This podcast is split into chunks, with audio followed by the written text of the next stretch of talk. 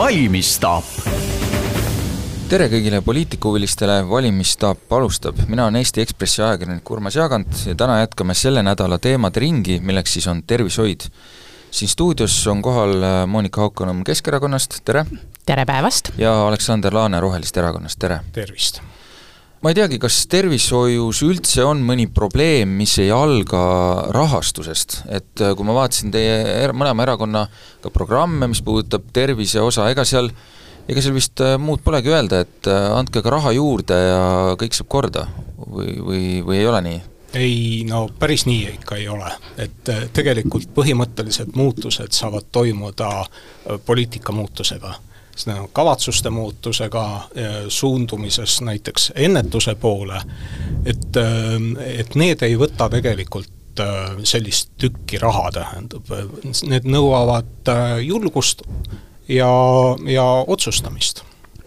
Monika Haukanõmm jaa, tervishoius on loomulikult raha on alati vähe, aga kui nagu läheneda sellisel moel, et me ainult küsime riigieelarvest või inimestelt raha juurde, et see päris tõesti nii ei ole, et äh, siin tuleb äh, kõigepealt äh, vaadata seda, et mida inimesed ise saavad teha oma tervise heaks, ehk siis rääkida natuke sellisest ennetusest, kuida- ja mis algab tegelikult lasteaias. sest selleks, et olla terve, selleks on vaja nelja väga lihtsat komponenti. et tuleb korralikult toituda, tuleb liikuda, tuleb äh, magada korralikult ja tegelikult ka puhkust äh, võimalikult äh, nautida. aga raha probleem on kindlasti mitte ainult selles, et me riigi poolt peaksime andma tervishoidu oluliselt raha juurde, vaid küsimus on selles, kas inimestel on piisavalt sissetulekut selleks, et iseendale ka tervishoiuteenust üldse nagu lubada saab.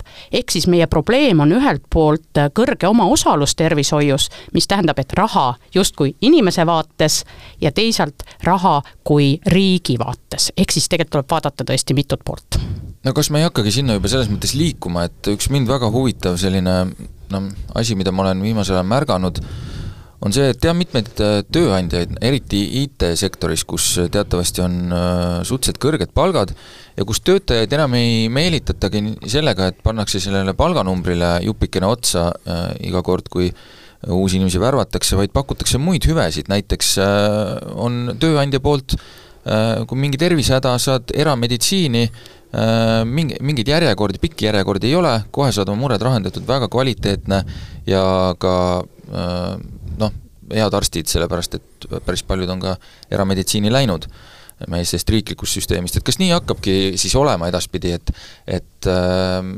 need, kellel on selline hea töökoht, kus siis võimaldatakse niisugust asja, et sa lähedki, käid erameditsiinis meil on nagu nii-öelda rikkad, kes saavad käia erameditsiinis ja ei pea järjekordades passima? see on väga hea küsimus, tähendab, milleni ma ise ka tahtsin jõuda. et võib-olla sa tead, et et on olemas selline fenomen nagu erisoodustusmaks mis takistab ettevõtetel oma töötajate tervise eest tegelikult hoolitseda. see on võimalik ainult, kui sa teed kindlustuslepingu, aga otse, nii et sa maksad midagi kinni, näiteks väga kallid ravimid, mida ei hüvitata või või taastusravi või veel, veel midagi väljaspoolt töötervishoidu nüüd otseselt.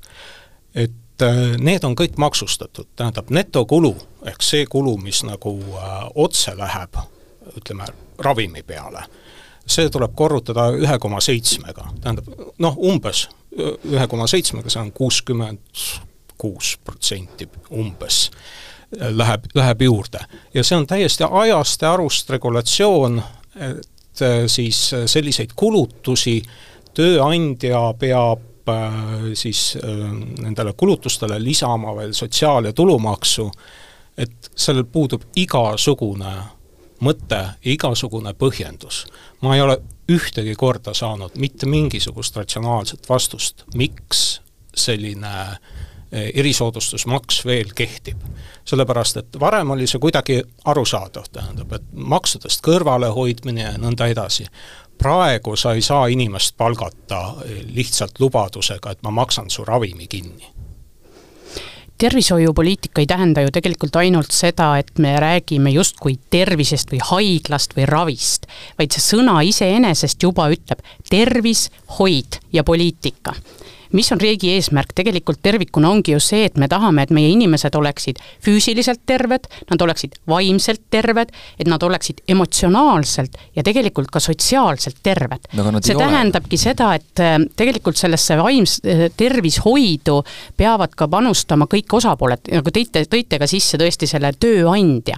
ja tõesti, järjest tähtsamaks tervishoius, tervishoiupoliitikas muutubki see tervik, ehk siis kas mul on hea töötada, kas minu vajadused on seal rahuldatud, kuidas minu vaimne tervis on, töötervis, töö, või vabandust, töötervishoiu tingimused on tagatud. ja, ja tegelikult tulebki siin tõesti ka tööandjaid väga oluliselt toetada. no kas või see, et kui tööandja teeb äh, soodustusi näiteks äh, tervisespordile, üldse liikuvusele, siis see on tõesti, millest ka juba eelkõneleja ütles, et me maksustame ja need ei ole väga kõrged. et selle tõttu on ka näiteks Keskerakonna programmis pandud sisse punkt, et tuleb ka suurendada tööandja niinimetatud maksuvabastust töötaja tervise edendamiseks aastas kuni kaheksasaja euroni, et me ei võtaks veel mitut nahka selle tööandja pealt. see ei ole väga ratsionaalne tee absoluutselt, sellepärast et äh, korraga on mõnikord vaja noh, kaks tuhat, kolm tuhat, neli tuhat tähendab mingisugusele, mingisugusele ravimile kulutada, tähendab see, et sa hüvitad kaheksasada eurot, ei lahenda inimese mm. probleemi tegelikult. jaa, see oli tegelikult see on täiesti ainult ebaratsionaalne ja, ja tege-, tegelikult te olite võimu juures, te ei teinud seda nii et see on, see on selline tore lubadus, tähendab, mis ei, väga palju ei maksa midagi, aga noh, ütleme, et see on parem kui mitte midagi aga ma kardan, et see jääbki lubaduseks. Mm. see, millele ma viitasin, see kaheksasada eurot, et see on tervise edendamisele seo-, edendamisega seotud kulud töö, tööandja poole pealt, me ei räägi praegusel hetkel te üldse ei lahenda sellega et äh, me rääkisime tööandjatest ja tööandjatele tehtavatest soodustustest, et kas tööandjad Just. Äh, töö toetavad, siis see on üks meetmetest. aga loomulikult tuleb siin nagu tervikut vaadata, et meie omaosalus on liiga kõrge kui meil näiteks WHO ütleb, et selleks, et inimesed saaksid tervishoiuteenustele ligipääsu, et see ei oleks vähendatud, olgu see siis, ma ei tea, näiteks äh, ravimite hinnast või olgu see näiteks äh, kaugus kodust või nii edasi, siis see ei tohiks olla üle viieteistkümne protsendi. Eestis selle koha pealt on väga suur probleem, meil on see kakskümmend kolm protsenti, mis tähendab seda, et me jõuame taaskord selleni, et äh, neid allikaid, kuidas tervishoidu rahastada, tuleb mitmekesistada, sest ainult praegune mudel ei ole jätkusuutlik. Aga kuhu ma tahtsin selle erameditsiini küsimusega jõuda, et maalime siis natukene tulevikku, et et äh, kui meil on selline olukord, kus äh, osadele äh, hästi tasustatud töökohtades võimaldatakse inimestel käia tööandja kuludega erameditsiinis, kus nad saavad väga kvaliteetset abi ja kiiresti, mis tähendab, et nende probleemid saavad ruttu lahendatud, ei teki mingisuguseid jätkuprobleeme ja nii edasi, ja siis on meil see nii-öelda riiklik süsteem, kus siis käivad need, kes ootavad oma mingisuguse asjaga mitu kuud järjekorras, lähevad siis sinna haiglasse, Äh, kus äh, noh, võib-olla tolleks hetkeks juba on äh, kvaliteet kergelt hakanud langema, sest et head arstid on läinud kõik erameditsiini, milleks meil see riiklik süsteem siis üldse nagu jääb, kas võib-olla see kõlab koledasti, aga kas see jääbki ainult nii-öelda vaesematele inimestele, kes siis ootavad järjekorras, kui läheb hästi, siis jõuavad sinna, kui ei lähe hästi, siis ei jõua?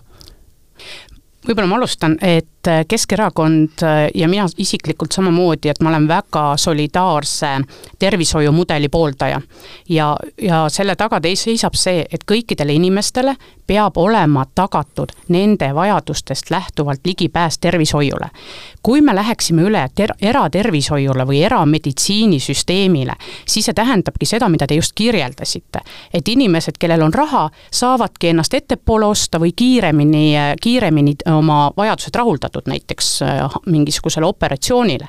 seetõttu peab jääma ikkagi, Eestile ei sobi selline konkurentsile ja ainult teenuste mahule nagu suunatud äh, tervishoiusüsteem.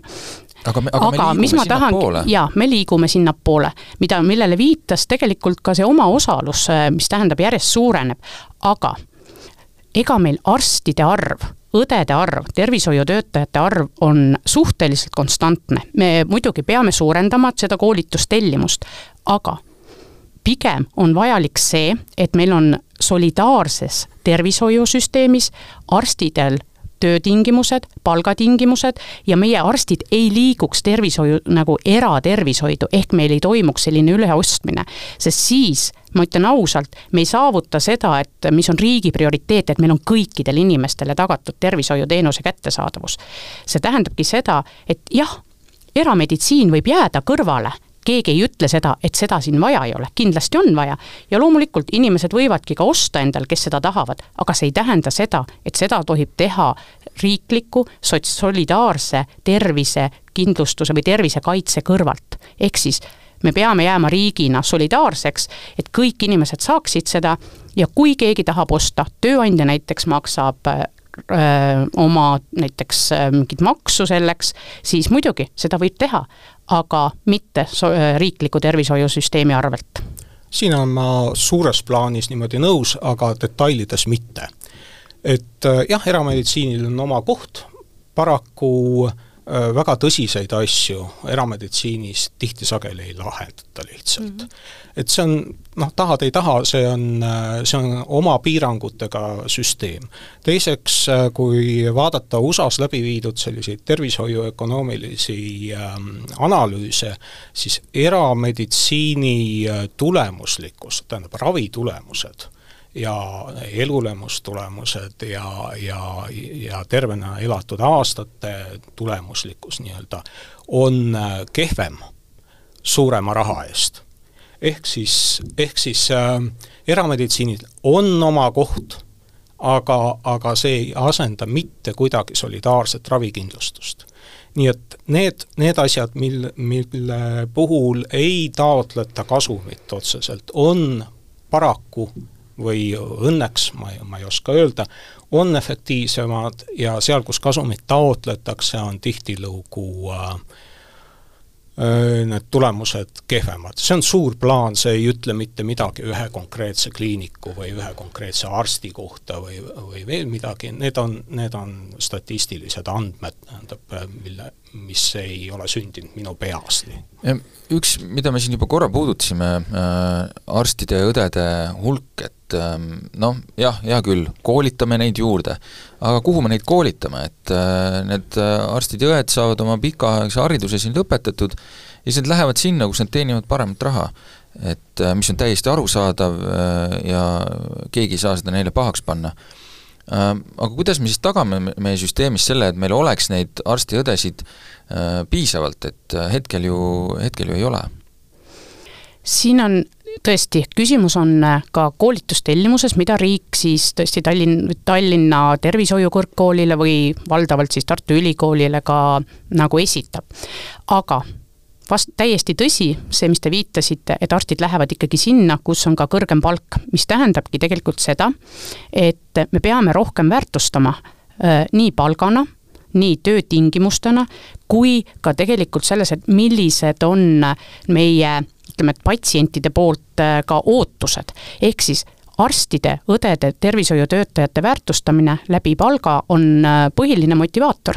sest äh, kui üks arst saab ikkagi kõrvalriigis tuhat või kaks tuhat eurot kõrgemat palka, siis ta seda valikut ka teeb. kui ta on noorem, kindlasti mingitel hetkedel tullakse ka tagasi, aga ikkagi jääme me selleni, et tervishoidu, millega me alustasime, on vaja rohkem raha, ja rohkem ka süsteemselt mõelda, kuhu me seda raha ka paigutame.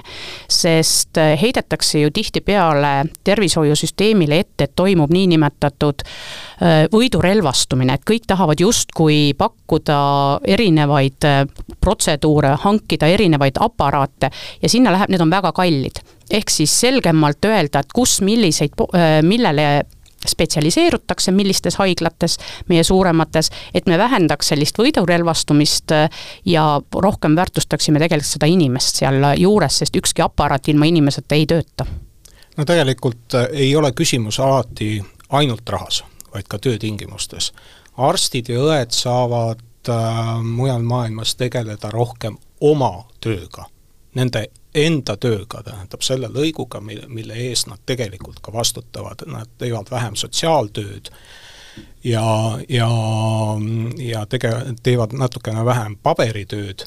Ja tegelikult no kogu see töökorralduse pool on arstidele vähemalt äärmiselt oluline, sest sa õpid väga väga kaua, see töö on raske, see on tihtilugu kurnav ja, ja tegeleda noh, sinu pilgul nagu mõttetute asjadega, mis ei anna tegelikult ei sinule ega patsiendile väga palju juurde, see, see ruineerib tegelikult. nii et minnakse ka otsima paremaid töötingimusi, sellist vabamat, vabamat arstikunsti ja vabamat mõtlemist. ja kas, kas osa nii-öelda sellisest mõnusast tööõhkkonnast, ma eeldan, on ka siis, eks ole, see maja, kus töötatakse, et et äh, ma kõigepealt küsingi teie käest, äh, kuna ma ilmselt Monika Haukanõmme vastust juba tean Tallinna haigla osas, äh, tulenevalt erakondlikust positsioonist, peaks selle siis tegema või ei peaks, et valame aga jälle miljoneid betooni ja saame uhke maja tähendab, siin, siin nagu ei ole tegelikult küsimust, kas peaks tegema või ei pea. tegelikult peab tegema, sellepärast et haiglahooneid peabki perioodiliselt uuendama. tahame seda või mitte, tähendab uued äh, uued ajad toovad uued nõudmised, uued soovid, uue aparatuuri, puht sellise fü-, nõuded füüsilisele nii-öelda keskkonnale ja neid peab uuendama see on, see on mujal maailmas igal pool nagu läbi käidud etapp, jah, on spetsialiseerutud väiksemad kliinikud, tähendab, mis, mis ei vaja selliseid uuendusi ja nõnda edasi, aga sellised suuremad ähm, noh, väga laia teenusespektrit pakkuvad haiglad, neid on vaja uuendada. asukoht tõsi, ei, äh, ei ole rohelisi rahuldanud ja ma arvan, et äh, väga paljusid linnaplaneerijaid ka ei, ei ole tegelikult rahuldanud et äh, kindlasti leiab sellele palju nagu mõistlikuma asukoha suuremate liiklus, kuskil suuremate liiklussõlmede juures, kuhu saab paremini ligi lihtsalt. aga haiglad ei ole nagu ainuke nagu selline um, kuidas öelda, ravi äh, paremaks tegemise vahend. Et on hulk elektroonilisi, elektroonilisi äh, lahendusi tegelikult, ma just lugesin hommikul siin äh, enne, kui siia tulin, taanlaste sel-, kogemusi siis äh, selliste elektrooniliselt äh, jälgitavate äh, ambulatoorsete patsientide mm, nii-öelda juhtimisel siis ja, ja nende vastuvõtuaegade määramisel ja et kes tuleb enne ja kes pärast ja kellega saab äh, nii-öelda videokohtumise, mm, videokohtumisega asjad ära aetud. ja see on väga efektiivne, et nad ütlevad, et äh, vähemalt teoreetiliselt õnnestub, õnnestub sealt ähm, järjekor-, järjekordi lühe-, lühendada nelikümmend protsenti, seda on väga palju. Ja sinna haiguste loetellu olid pandud vähipatsiendid, HIV-i patsiendid, epilepsia patsiendid, ühesõnaga siiski esimese diabeediga patsiendid, ühesõnaga su-, suhteliselt keeruliste haigustega patsiendid.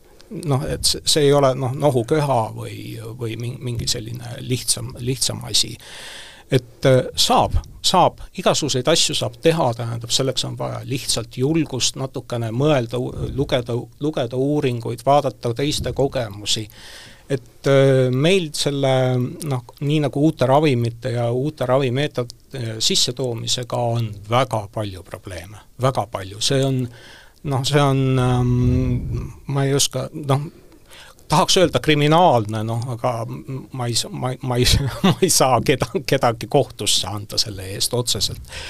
et, et inimesed, inimesed kaotavad tervist selle tõttu, et keegi ei julge otsust teha see oli väga hea koht, et mulle tundub, et seda otsust, et Tallinna haiglat on vaja, tuleks tegelikult ära teha ja seda koos riigi ja kohaliku omavalitsuse koostöös. sest kui me mõtleme seda, et kui Tallinna haigla teenindab umbes kuutesadat tuhandet eest-, inimest Põhja, Põhja, terves Põhja-Eestis, siis ja kui vaadata, millised need töötingimused, mis määravad arstide, õdede motivatsiooni, on praegusel hetkel Ida- või Lääne-Tallinnas, siis tõesti, rääkides arstidega, nad ütlevadki, meil ei ole õiget töökohta, me kõnnime, kus me parasjagu saame, ei ole võimalik enam ka tuua nagu vajalikku tehnoloogiat sellesse majja. Ja kolmas aspekt, mida nad tõid välja, mis on väga tõsine, nad ütlevad, kui me tahame väga häid väga häid arste ja teha ka teadust, selleks on ka vaja. aga kui ei ole arstidel võimalik oma eriala tippudel teha ka teadust nendes kehvades tingimustes, siis tegelikult nad valivadki teise koha, lähevad hoopis, ma ei tea, Rootsi või, või Taani, kus neil on võimalik seda teha. aga sellest sõltub ju see, millist ravi saavad meie Eesti inimesed. Ja me saame tänu sellele ka võib-olla kehvemat ravi. Ja kui juba härra Laane siin tõi sisse ravimid, ma olen täiesti nõus, see, et Eestisse uued kaasaegsed ravimid jõuavad kaheaastase hilinemisega, kui nad üldse jõuavad, see protsess on nii pikk ja keeruline, siis see on see koht, kus küll Haigekassa, ministeeriumi ja riigi koostöös tuleb mõelda, et kuidas ikkagi oleks nii, et Eesti inimesed saavad ka viimase aja, viimase tehnoloogia ja teadmise baasil loodud ravimid kätte, sest see ikka tõesti paneb vahepeal pisarad voolama, kui öeldakse, et on olemas ravi maailmas väga hea ravi, tõestatud ravi, aga kahjuks teie seda ei saa, siis tekib küsimus, aga miks me siis maksame ja mille jaoks on Eesti riik? üks, üks asi teie programmist Keskerakonnal siis korra käis siin, Aleksandr Laane juba mainis seda küsimust järjekordadest ja me kuulsime mm -hmm. sellist noh, üsna sellist moodsat viisi, kuidas võiks olla võimalik ravijärjekordi vähendada, lubate, Keskerakond lubab ka ravijärjekordade vähendamist, kuidas siis täpselt? See tähendabki seda, et äh, õigele, õigele spetsialisti juurde peab õige inimene jõudma. kui me räägime näiteks viimasel ajal väga palju kõneainet leidnud ka vaimsest tervisest, ehk siis ravijärjekordi ongi võimalik ju nii äh, vähendada, et meil on olemas piisavalt spetsialiste, on need siis vaimse tervise õed või, või psühholoogid või psühhiaatrid, äh, mis peaks algama juba koolist, et meil on olemas tugispetsialistid ka koolis, et vältida inimeste tervise halvenemist, näiteks vaimse tervise halvenemist, on, et inimesed jõuavad õigel ajal mitte liiga hilja, kui me jõuame arsti juurde liiga hilja, ükskõik millise probleemiga, siis me kulutame ka oluliselt rohkem. see on üks aspekt, teine aspekt on see, et meil peab olema neid spetsialiste piisavalt. mis juhtub täna, et Haigekassa ostab tervishoiusüsteemist ju ravijuhte spetsialistid meil mõnikord on isegi olemas, aga sul on pool päeva, on sul Haigekassa ravijuhtude järgi toimub rahastamine, ülejäänud aja sa võid teha nagu eriarsti või tähendab eravastuvõtte ehk siis see tähendabki seda, et me tegelikult peaksime ostma rohkem neid juhtumeid, isegi kui meil on olemas head spetsialistid. ehk siis jõuame jälle alguse esimese küsimuseni, kust tuleb raha no mina pakun kohe ühe koha rahast, raha saamiseks välja, tähendab ühest ma rääkisin, et, et äh, ettevõtete takistamine äh, raha suunamises tervishoidu on äh, noh, kuritegelik. kuritegelik inimeste suhtes, kes ra ravi vajavad. teine, teine küsimus on see, et selliste uuringute järgi ähm, tervise, mm, halb tervis põhjustab äh, noh, alates miinus kuuest skp protsendist kahju siis tähendab, et kui meil täna on äh, null protsenti äh, siis skp kasvu, eks ole, siis, äh, siis missugune see võiks olla siis, kui inimeste tervis oleks parem. nii et tervis, hea tervis, on ikkagi sellise tugeva majanduse eeltingimus. ja kuigi noh, ma ei kannata seda skp ähm, pidev, pidevalt nagu ülistamist, selle, noh sellegipoolest midagi ta ju näitab, eks ole. ta näitab äh, noh, mm, ütleme, mitte nii-öelda kaasaegset, äh, kaasaegseid näitajaid nii-öelda ei võta arvesse, aga selle, sellegipoolest. et äh, ennetuse pealt saab väga palju kulutusi vältida lihtsalt neid ei pea tegema, tähendab. ja, ja üks väga huvitav selline mm, siis inimeste tervena elatud aastate pikendamise võimalus on tööaja normi vähendamine. praegu on meil nelikümmend tundi ja Lancetis, ma ei, ma ei mäleta, aastal kaks tuhat üheksa vist esimest korda hakati sellest rääkima, et ainuke selline veel kasutamata ta suur ennetusvõimalus on tööaja normi vähendamine ja mis tähendab meil maksu, maksuna veel vähem raha, mille eest tervishoiusüsteemi ega va-, vaadake neid ettevõtteid, kes on läinud üle lühematele, lühematele tööpäevadele või siis äh, lühemale nädalale, ega palk ei ole langenud. Nad lihtsalt teevad palju efektiivsemalt tööd. inimesed on õnnelikud, noh, nad, äh, nad on puhanud, neil, neile see meeldib, nad lihtsalt teevad selle töö kiiremini, paremini, efektiivsemalt ära, pea töötab lihtsalt paremini. Teil on üks, üks tore asi veel äh, programmis, äh, anda inimestele võimalus koguda raviraha isiklikku maksuvabasse fondi. et äh, kas teil on mingi ettekujutus, et inimesed, kes näiteks pensioni kohta teavad väga hästi, et see kunagi tuleb, aga selle jaoks väga koguda ei viitsi, koguvad haiguste ravimiks, mille kohta nad muidugi loodavad, et neil, neid neil kunagi üldse ei tule? Jaa, vaadake, noh on, on haigused, mis äh, tulevad nii-öelda peaaegu et sada protsenti. noh, need on tavaliselt äh, selline hamba, hambaprobleemid, tähendab, noh kõigil, kõigil peaaegu on, ma, ma ausalt öelda ei teagi ühtegi inimest, kes mitte kunagi üldse hambaarsti juures käinud ei ole, tähendab. et äh, aga, aga teiste haigustega on noh, nii ja naa, et eh, tegelikult ma ise ei pea seda nagu mingisuguseks selliseks revolutsiooniliseks kõike muutvaks lahenduseks, et see peab olema võimalus. inimesel peab olema võimalus seda teha, tähendab, kui ta tunneb, et, et see tema kindlustunnet kasvatab, las ta kogub seda sellesse fondi et äh, isegi see kindlustunde kasvatamine annab juba tervisele väga palju juurde. Us-, see on uskumatu tegelikult, kui palju see juurde annab. et äh,, et näiteks eksperimendid Kanadas kodanikupalgaga vähendasid äh, kuigi see summa ei olnud suur, mida, mida saadi, vähendasid ähm, siis arstikülastusi kaheksa protsenti kaheksa protsenti, see on noh, meie tänaste arstikülastuste arvu juures, see on väga-väga-väga-väga palju. jaa, kui siin juba räägiti, et noh, kuidas seda oleks võimalik äh, tagada, et inimestel oleks parem tervis, siis ma tooksin siia juurde veel kaks nüanssi, et üks on tõesti kutsehaigused. Äh, ja kui kutsehaiguste levikut nagu vähendada, ehk siis jällegi panustada nagu töötingimuste parandamisse, siis meil on ka võimalik lükata neid erinevaid haigestumisi edasi.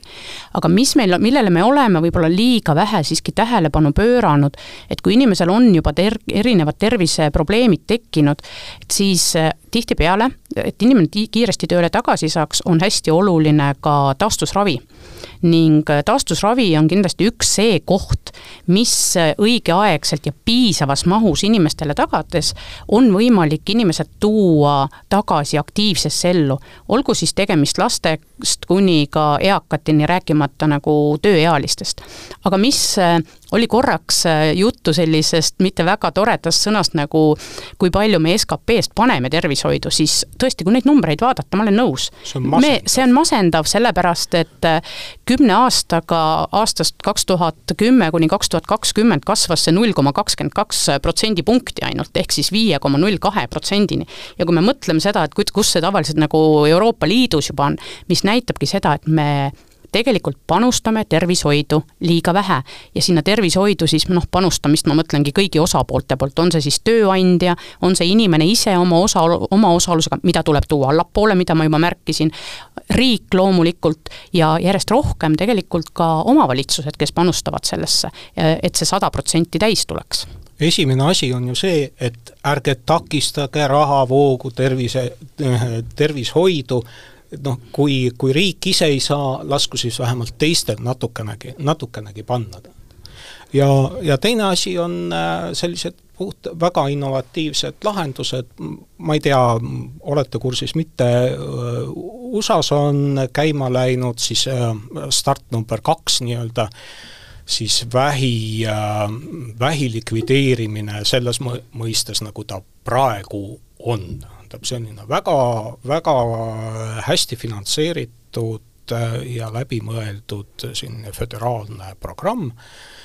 Ja selle üheks, üheks osaks on näiteks ähm, äh, selline analüüs, mi-, millega saab ähm, väga varajases staadiumis lihtsalt vereproovist äh, tuvastada viiskümmend erinevat siis kasvajat et mitte mingisuguseid nähte inimesel ei ole, aga tal see kasvaja alge kuskil seal on, tähendab, ja see on DNA, DNA analüüsi põhine, põhine asi, ta maksab palju, see on tõsi, tähendab noh mm., ütleme, noh, meie mõistes maksab ta palju, see on peaaegu tuhat eurot, üheksasada noh, millegiga, ühesõnaga ma peast ei, ei oskagi öelda, aga natukene alla tuhande euro, samas kõik suuremad sellised nii-öelda tervishoiusüsteemid, ehk ütleme, sealsed haigekassad ja nende konglomeraadis olevad haiglad ja polikliinikud ja nõnda edasi ja esmatasand, äh, läheb sellele, selle proovi kasutamisele üle. tähendab, noh, järjest nagu teatatakse, et, et nad hakkavad seda kasutama ja see, see väga hästi näitab äh, millal sul vähki ei ole, tähendab väga suure tõenäosusega no üle üheksakümne protsendi tähendab, ütleb, et sul ei ole vähki, tähendab siis ühesõnaga see on, see on õige, tähendab, et sul ei ole vähki. avastatakse ka noh, tekib ka palju nii-öelda valepositiivseid, aga aga seal vist seitsme kuuga, tähendab, lahenevad need valepositiivsete, valepositiivsete diagnooside ähm, asjad mm, enam-vähem ära. ja, ja selge on see, kui sa tahad nagu äh, vähki äh, viia selliseks kas krooniliseks haiguseks või noh, selliseks haiguseks, mis enam ei assotsieeru automaatselt surmaga, siis selliseid asju tuleb, tuleb teha. sellepärast, et see on ikkagi viis, kuidas tervelt elatud aastaid pikendada ja, ja selline lähenemine, noh, mis on Ühendriikidele omane, seal küll läheb tohutult raha tervishoidu, tähendab, ja, ja tulemused ei, ei ole noh, super, super head, ütleme, kui vaadata seda raha hulka.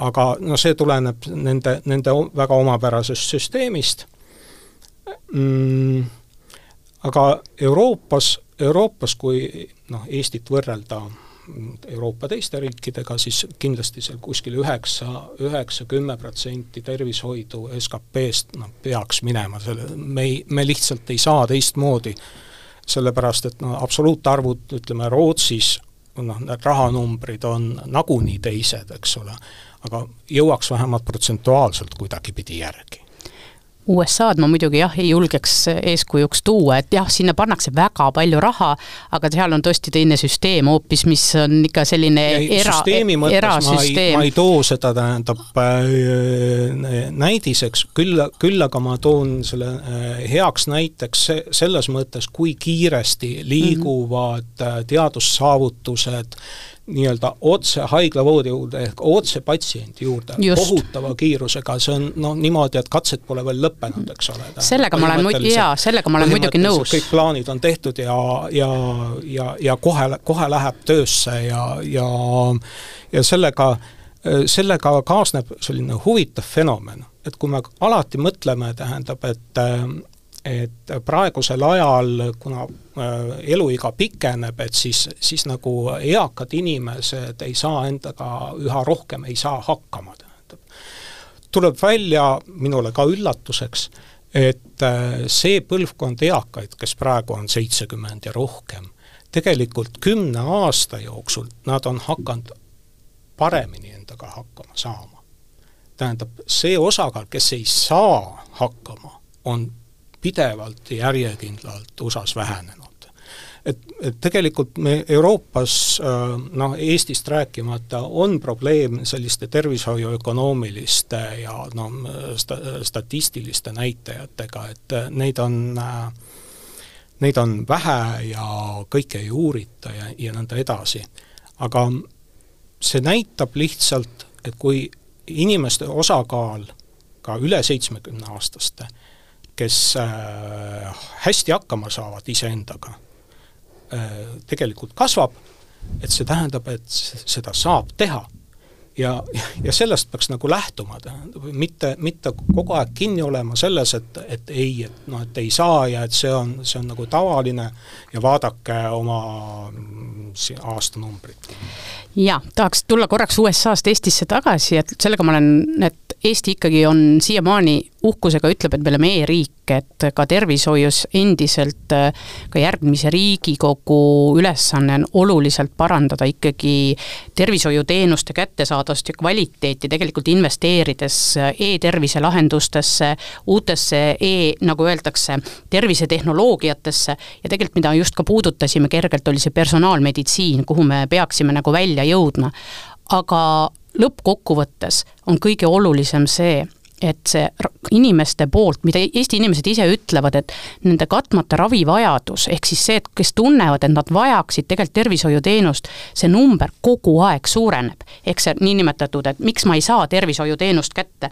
et äh, see on meil juba jõudnud umbes sellise viisteist, kuusteist protsenti ja tulen tagasi alguses toodud omaosaluse juurde, et mida me peaksime nagu küll tegema väga kiiresti, on see, et inimesed ravimitele kulutavad umbes sellest kogukulust nelikümmend neli protsenti, ehk see omaosalus on väga-väga kõrge. ehk see ravimite käibemaksu teema ja tegelikult kui on tegemist näiteks retseptiravimitega, siis ideaalis ei peaks üldse riik sellelt ka käibemaksu võtma, et tooks selle üheksalt protsendilt viiele protsendile või siis tõesti see, et kuidas me, kuidas me neid inimesi, kes haigestuvad, kas nad julgevad koju jääda või ei julge, ehk äh, mitmendast päevast me hakkame üldse haigushüvitist hüvit- või haiguspäeva hüvitama, kas see on teisest või kolmandast või neljandast päevast, et neid vaidlusi on järgmisel Riigikogul tegelikult väga-väga palju ees.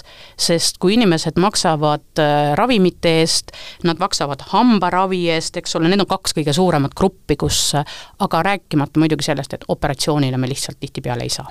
jaa äh,, siinkohal ongi äh, meie aeg läbi, tõmbame see saate kokku, kuulasin nüüd siin pikalt, võtan selle kokku sellise mõttega, et meil on äh, Äh, väga hea arstiharidus, meil on äh, väga head arstid, meil on peaaegu äh, moodsad vahendid, aga meil on arhailine ravisüsteem, mida siis tegelikult võiks kohendada. aitäh teile saatesse tulemast, Keskerakonnast Monika Haukanõmm ja Roheliste Erakonnast Aleksander Laane, valimisstaap siinkohal lõpetab, mina olen Eesti Ekspressi ajakirjanik Urmas Jaagant, kuulake meid järgmistel kordadel jälle!